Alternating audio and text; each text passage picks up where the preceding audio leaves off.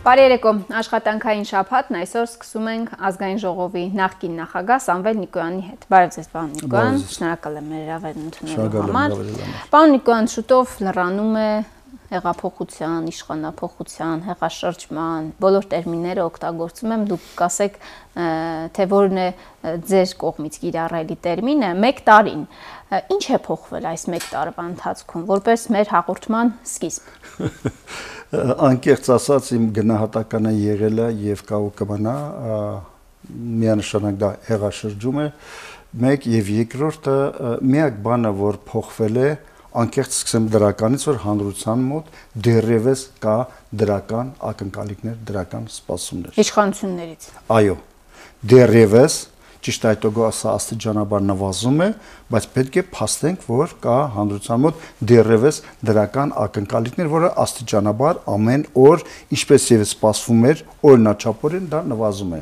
Մնացած բոլոր հարցերում ցավոք սրտի ցավոք սրտի, որտեղ սա մեր պետությունն է եւ յուրաքանչյուր երևույթ ազդում է մեր բոլորի վրա եւ մենք բոլորս ենք շահագրգռված, որ մեր պետությունը անկախ ով է իշխանության լինի զարգանա դրական առաջընթաց ունենա։ Ցավոք սրտի բոլոր ոլորտներում ձախողում է, բոլոր ոլորտներում։ Ինչ դա, ինչ դա։ Դուք ասացիք հեղաշրջում է տեղի ունեցել։ Ներսից ով է օգնել Նիկոլ Փաշինյանին հեղաշրջում իրականացնելու համար։ Գիտեք, ես չեմ ուզում անկեղծ ասալ, ասած մտնել այդ իրադարձությունների մեջ եւ ասել ով է օգնել կամ ում էր ինքը փառաբանում կամ ինչ էր, ինչ էր, չգիտեմ, ես չեմ ուզում դրա մեջ մտնել։ Ես իմ ասածը ընդամենը ասելու համար, մեկնաբանելու համար, որ մեր կապարանոց չընչի, երբ իշխանության գործադիր ճյուղի ղեկավարը, վարչապետը իր համախոհներով, իր կոչով ինքը գլխավորում է իր համախոհներին եւ իշխանության մեկ այլ ճյուղի վրա են գրոհում, հարցակվում եւ իր հրամանով ազգային անվտանգությունը բացում է դարպասներ եւ ամբողը ներխուժում է ազգային ժողովի այդ տարածքը դա հասկանալի է ինչ դա նկատի ունի ես նկատի ունեմ ես գարնան ես օրինակը բերի ես օրինակը բերի եթե ես ասում եմ իշխանությունների ներսից Նիկոլ Փաշինյան օգնող եղել է ես չեմ կարծում, որ ամեն ինչը հենց այնպես կարող է լինել հենց այնպես ոչ մի բան այս աշխարհում չի լինի։ Այլապես Նիկոլ Փաշինյանը կմնար այն 30 հոգով, որը եր, սկսեց Գյումրիից Քալարշավը։ Անցնենք առաջ, ես չեմ ուզում խորանալ այդ հարցերի մեջ։ Շատ լավ, դուք ասում եք Որտեւ իմ համար մի քիչ էլ դա ցավոտ հարց է ցավոտ հարց է եւ ենթադրում եմ, որ նաեւ մի օր կբացահայտվի, թե ինչ նկատի ուներ նախագահ Սերժ Սարգսյանը, երբ ասում էր, որ Նիկոլ Փաշինյանը ճիշտ էր, ես սխալվեցի։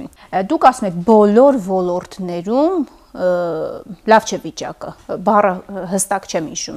ձեր օգտագործած բառը։ Ինչը լավ չէ։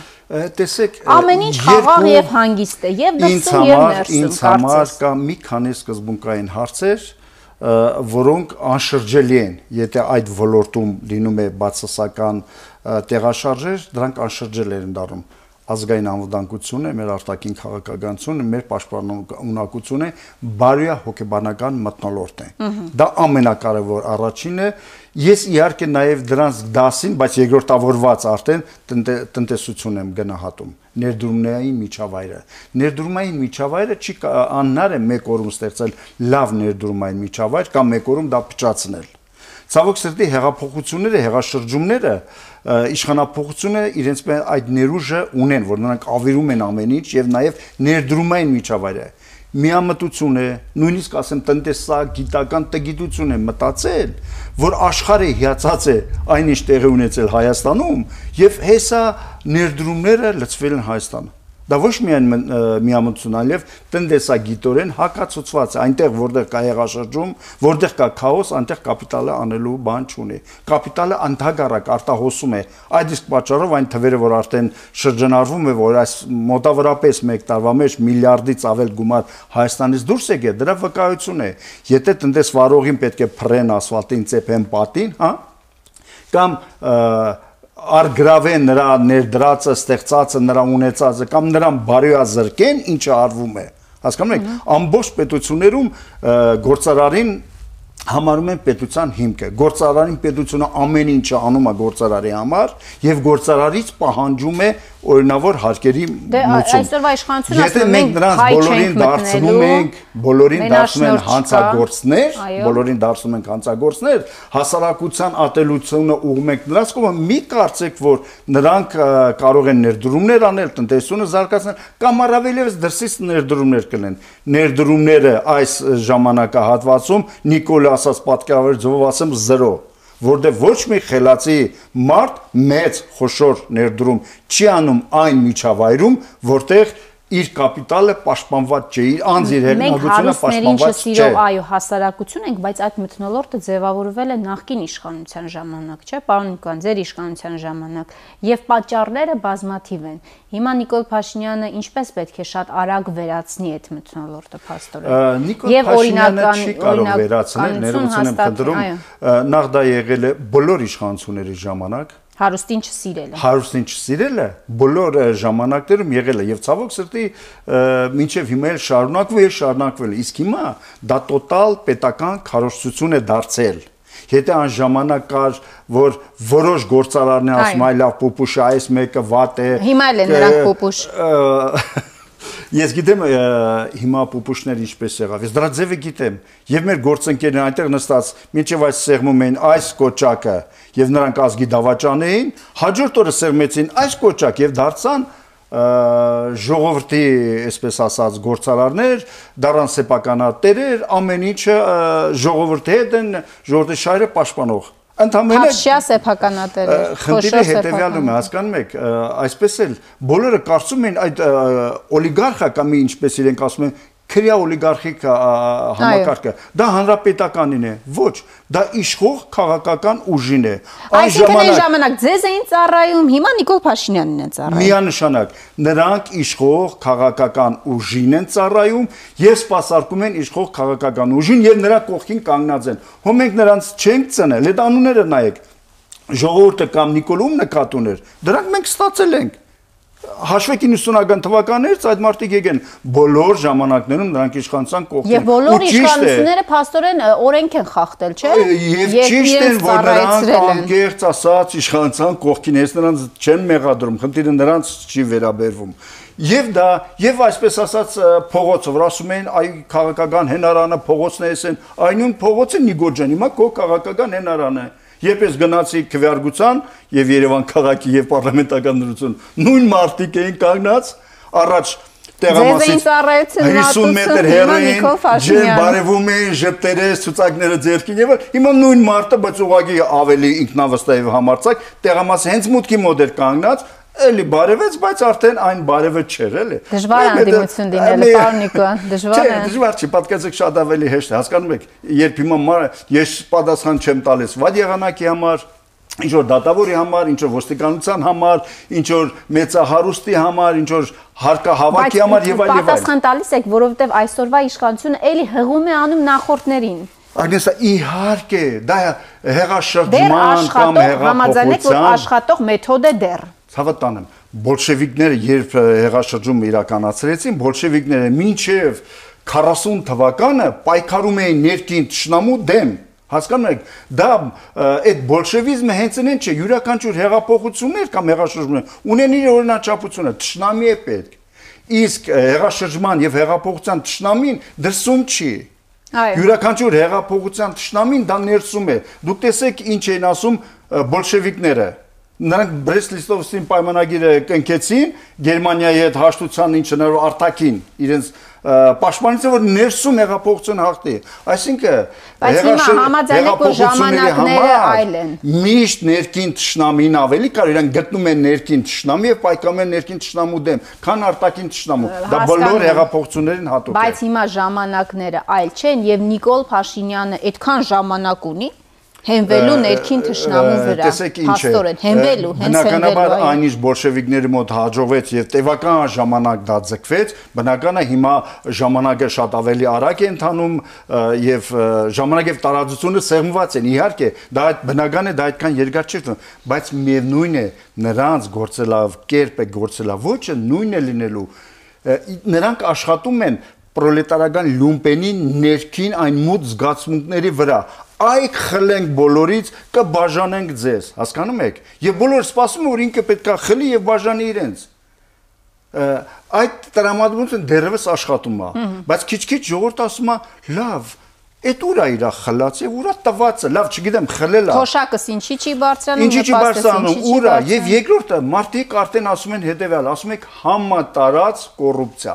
համատարած թալան, թալան, թալան։ Այո։ 1 տարի համարյա դուք եք։ Ասում եք չենք թալանը։ Կոռուպցիան 0 է։ Այո։ Հավատում ենք։ Համակարգային կոռուպցիա չկա, ասում են։ Բա ուրեն մենք էլ չենք թալանում։ Ուրեն այդ փողերը, որոնք դուք չեք թալանել։ Դե առաջ ասում եք որ մոտավորապես չէ, ներողություն, խոսքը չի վերաբերում թե ինչքան ենք մենք վերցրել ինչ որ տարբեր մարդկանցից, բիզնեսի, չգիտեմ ինչից,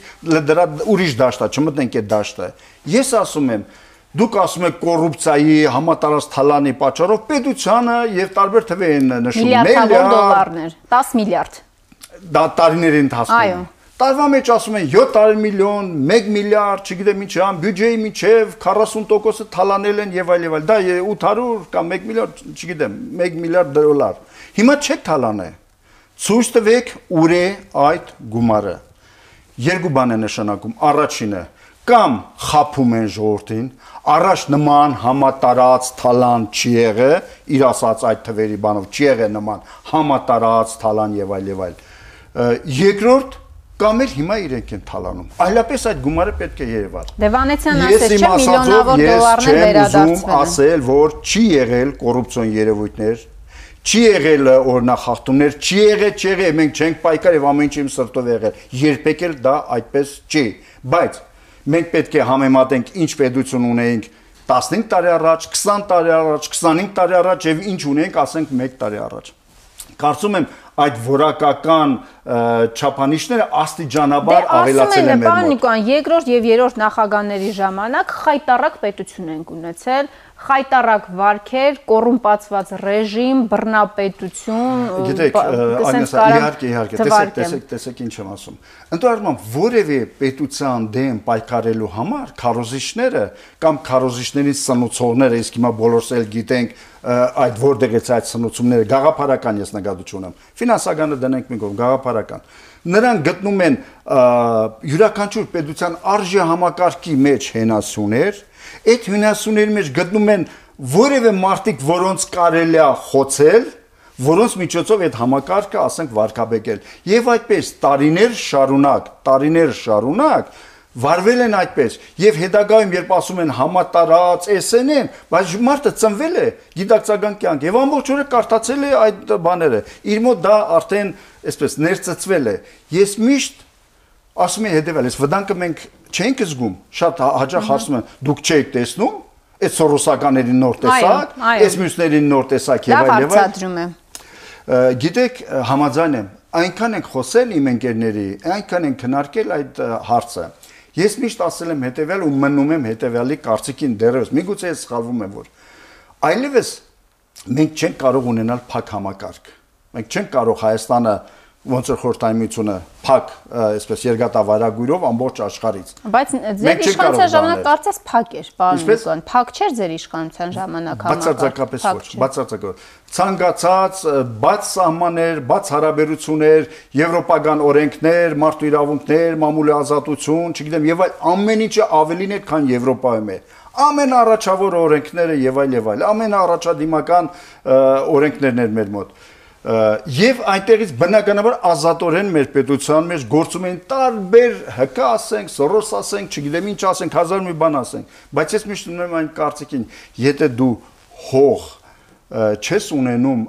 որ բացիլը դրա մեջ աճի, հա, այդ բացիլներից վախենալ պետք չէ։ Երբ մի փոքր թերություններ են լինում պետության մեջ, այդ բացիլները արագորեն զարգանում են։ Բայց այդ բացիլները հենց այդ տարիներին չէ, ստեղծվել են, այո, ես միշտ պայքարում եմ կանխում, պարոն Նիկոն։ Մենք չենք կարող կանխել։ Անձամբ դուք չեն նկատի ունում իշխանությունը, իշխանությունները չեն կարող կանխում այդ ամենը։ Իշխանությունները չեն կարող կանխել, ինչպես այսօրվա իշխանությունները չեն կարող կանխել այնինչ հիմա տեղ ունենում նաև մեր երկրում, այն չի որ ամեն ինչով նույնիսկ Նիկոլը հիացած է իմ կարծիքով, իմ կարծիքով Եվ մի օր Նիկոլը դա տեսնելու է իր դեմ այն ինչի վրա ինքը հիմնվել է եկել է իշխանության, ուրախացած, հրճված եւ այլ եւ այլ։ Ինքը մի օր այդ դա աշխատելու իր դեմ, եթե հանգարց չկատարի նրանց ցանկությունները եւ այլ։ Սորոսական թևի նկատի ունեք ես ընդհանրում։ Ոչ միայն։ Իհարկե հիմնականում դա եւ դրան հարակից այլ թևերը։ Դուք ասացիք ձեր խոսքում, որ բարոյահոգեբանական մթնոլորտ այսօր այն չէ, պարոն Նիկոյան, մի նուրբ թեմայի եմ ուզում անդրադառնանք, շատ նուրբ։ Օրերս Մեղրու զորամասերից մեկում կարգազանցություն է տեղ ունեցել զինծառայողների կողմից, այդ որակումը տվել է հենց Պաշտպանության նախարարի մամուլի խոսնակ Արծրուն Հովանեսյանը եւ ասում է, որ մի քանի կարգազան զինվորներ փորձել են 90-ականների բարքերով զորամասում իրենց կարգը դնել, հատուկ պայմաններով առաջնորդվել, առանձին շորերով ծառայել, առանձին սննդակարգով ապրել։ Սպաներն էլ չեն թողել։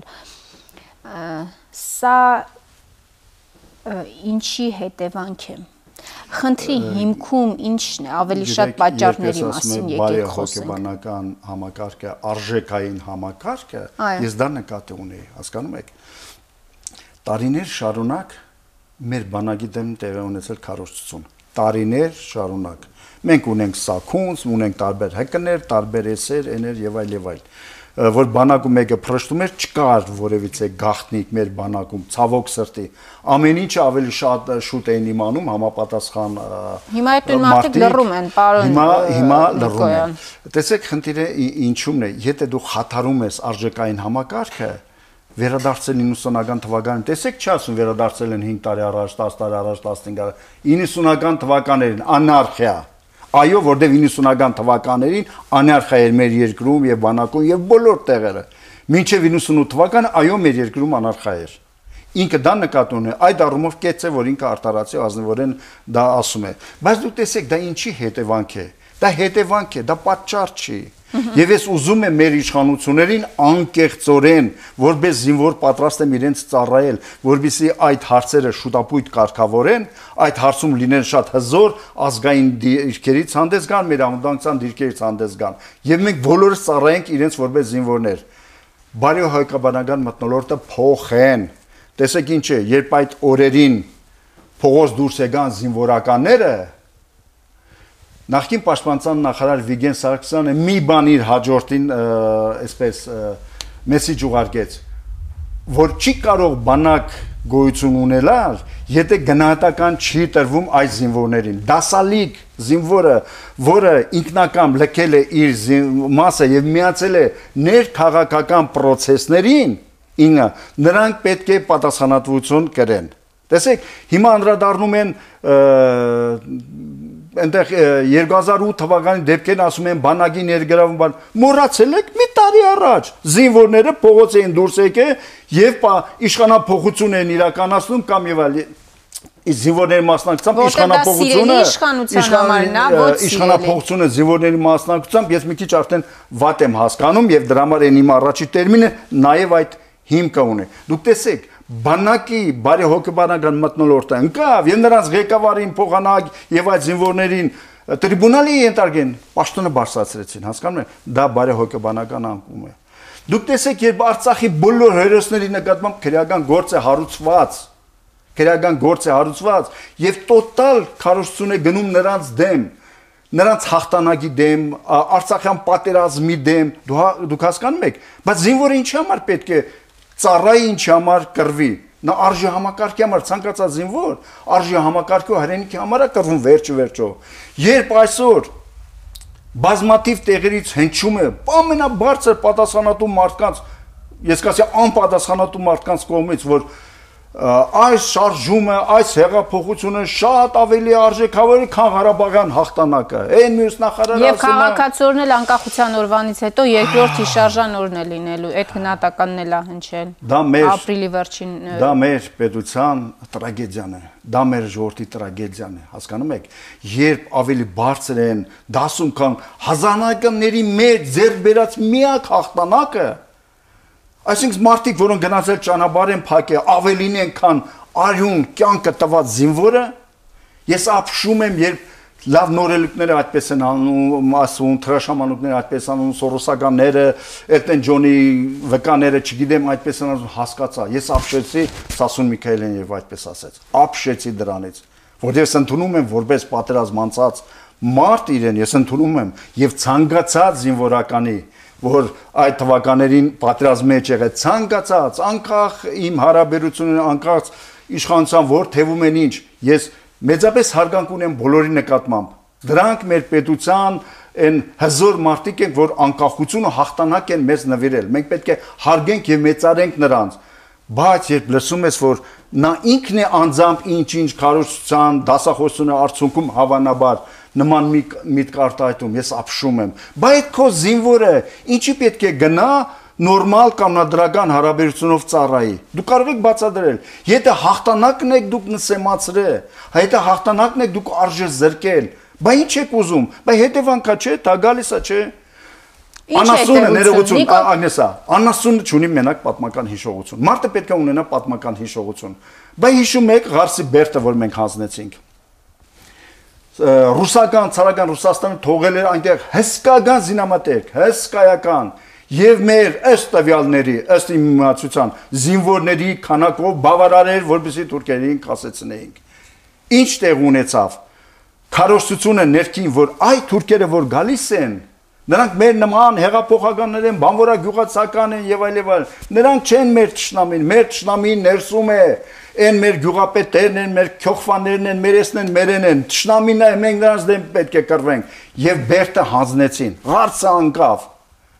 Ես այնքան եմ վախենում, հասկանում եք, այ այս ամեն ինչ ինչ կատարվում է, չէ որ նույն քարոզության արդյունքում է, չէ որ այդ նույն տղաներ, այդ նույն տղաներն էին, որոնք ասենք պաշտպանության նախարարի մեքենան էին կանգնեցնում Երևանի փողոցներում, իրենց տնորին կամ ուսուցիչներին էին դու շպրտում կամ փագում իրենց ռեկտորին էի վերաբերալ, չգիտեմ ինչու, այսինքն արժե զրկում էին ամեն ինչը։ Բա ինչ եք ուզում, բանավոր գնաց բանակ, բա ինչ է լինելու, ո՞նց է լինելու Այսա որ մենք ստանում ենք պատասխանը այնինչ արել ենք, մենք դրա պատասխանը կարող եք թույլ չտալ, որ նման մտնոլորտ ձևավորվի ձեր իշխանության տարիներին, պարոն։ Գիտեք, այդ իշխանության տարիներին, տեսեք, իշխանության տարիներին դուք նկատում եք բանակը, բանակի նկատմամբ ինչ, ինչ, ինչ, բանակի նկատմամբ մենք ունեցել ենք գերագույն զգուշ եւ հոգատար վերաբերմունք բանակի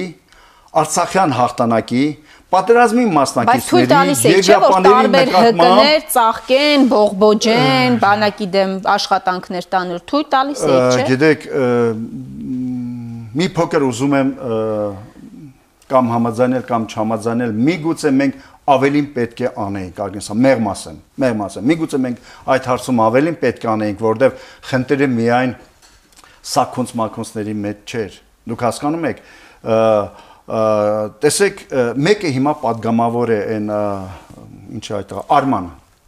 առաջեմի, հա?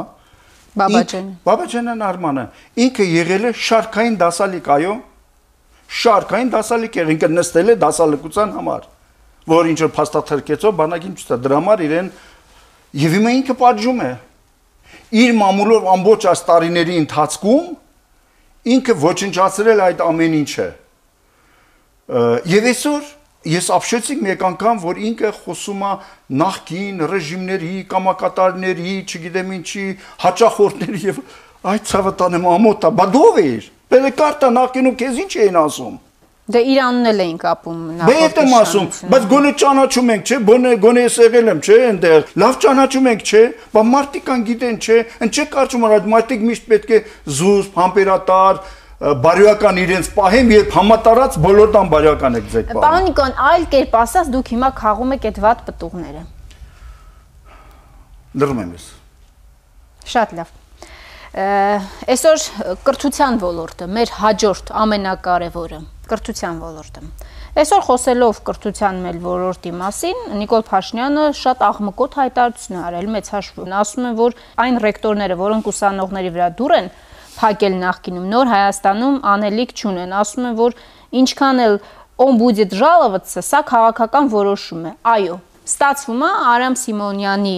դեմ հարուցված այդ գործերը չարաշահումների մասով Նիկոլ Փաշինյանը իր բերանով փաստորեն ասում է, որ այո, քաղաքական որոշում է, որ Արամ Սիմոնյանը այլևս չպետք է լինի ԵՊ-ի ռեկտորը։ Այնտեղ ռեստարտ նախաձեռնություն կար, հրապարակվեց, որ Սորոս հիմնադրամից 20000 դոլար գումար են ստացել, որ պաշտոնան կանեն Արամ Սիմոնյանի չի հաջողվում եւ հիմա փաստորեն Նիկոլ Փաշինյանը հայտարարում է շատ པարս որ Արամ Սիմոնյան պետք է հեռանաս, դա քաղաքական որոշում է։ Բուհի ինքնավարությանը չի խառնվում արդյոք գործադիր իշխանությունը։ Նույնիսկ այդպես չհայտարարեր։ Իսկ դուք չգիտեք որ դա այդպես է։ Դե հիմա մարդը լեգիտիմացրեց փաստորեն հայտարարությունը։ Այո, միանշանակ դա այդպես է։ Ուրեմն կա բուհական ինքնակառավարում։ Ունի բուհը իր խորհուրդները եւ իր խորհուրդները շատ հստակ ունեն ներքին կանակարգը եւ կանոնադրությունը, ինչպես ընտրել ռեկտորին, ինչպես պայմանագիրը ինչպես կնկել, ինչպես լուծարել պայմանագիրը եւ այլ եւ այլ։ Գործեք օրենքի շրջանակներում գործեք, օրենք ապօրինություններ մերեք, մի արեք, քաղաքական հաշվեհարդար մի տեսեք, գիտնականներին նկատմամբ չի կարելի, դա եւս արժե համակարգ է, չի կարելի ոչնչացնել, մնացել է 1 տարի կամ 1 տարուց պակաս, մի խայտարակեք գիտնականին, մի ստորացրեք, մի նվաստացրեք, դրա համար հազար ձևեր կա, եթե նույնիսկ ուզում եք դա փոխել, դա պետք է ոչնչացնելով դա անել, հազար քաղաքակիր ձևեր կա, վարվեք քաղաքակիր ձևերով, այլ ոչ թե Սորոսի փողերով Սորոսի փողերով ինչ որ ՀԿ-ի դե երիտասարդներին ուղարկել, բայց երիտասարդը որ այսօր ռեկտորի նկատմամբ նման անբարյական քայլերը արել եւ Բան չեք զարմանում, բանակում մեկ ուրիշն է ուրիշ բան անում, չէ՞, բայց նույն բանն է, չէ, նույն բարոյական հարթությունն է, չէ։ Ինչու եք այստեղ ուզում սերմը ցանել ու չեք ուզում այդ սերմը իր պատուղները տալ։ Արտահայտվելու է, չէ՞ դա։ Եվ չի կարելի, չի կարելի երբ երկրի ղեկավարը, վարչապետը հակաօրինական քայլերը բացատրում է քաղաքական հաշվեհարդարով քաղաքական որոշում։ Չի կարելի, չէ՞ որ մեկ օր դա դրսում բոլորը հետևում են որ տեղական ինքնակառավարման մարմիններից սկսած, որին ուզենամ, որ այսպես չանեմ, գլուխ ոլորեն կամ չգիտեմ ինչ անեմ, դատավորներից այդ որը կարող է SNN-ի եւ այլ եւ այլ ակադեմիական ինքնություն ունեցող բուհերին ամբողջ այս ժամանակահատվածում Հայաստանի Հանրապետությունը, կրթության նախարարությունը ջանքեր է գործադրել, որովհետեւ Բոլոնիայի գործընթացնում մենք ներգրաված լինենք եւ այդ կրթական համակարգի մեջ լինենք Նման ազգուշ քայլերով հայտարարությունը մեզ դուրս ենք շպրտում նաև եվրոպական կրթական համակարգից։ Չի կարելի։ Դա շատ վատ բաներ է արվում։ Ասում է թող գնան, թող գնան իրենց համար այլ աշխատանք գտնեն։ Դե արդեն ասելով չի, խնդիրը հետեւալում է որ չի կարելի գիտնական մարդու նկատմամբ ռեկտորը եւ ղեկավարությունը չի կարող շարունակել Հայաստանում աշխատել։ Ուրեմն, եթե կուսակցական են ասում, հիմա ամբողջ պետական կառավարման համակարգը մի օրվա մեջ, մի ամսվա մեջ կուսակցականացվեց, ԿՊ-ով կուսակցականացվեց։ Մեկ օր, մեկ ամսվա մեջ կամ լավ 6 ամսվա մեջ, այնինչ ընդհանրենք մեղադրումը ինչ որ կուսակցան, մեզ մեղադրումը 20 տարվա մեջ է եղել, 6 ամսվա մեջ, ինչպես։ Փաստեր ունեք դուք։ Բան նայեք, սկսած կառավարություն, սկսած պարլամենտ, սկսած պարլամենտում մարսպետեր, սկսած մարսպետարաներում, ամբողջ իշտում են քիչ-քիչ այդ միջին օղակները։ Բոլոր այն մարդիկ, որոնք ունեին ինստիտուցիոնալ հիշողություն, պետական կառավարման ինստիտուցիոնալ հիշողություններ, բոլոր այդ մարդկանց են հանում, որոնց էլ չեն կարող հանել այ նախարարությունների վերամիավորման, վերադասավորման արդյունքում այն որ ասում են ասկան 1000 մարդ կրճատվի։ Դրանք բոլորը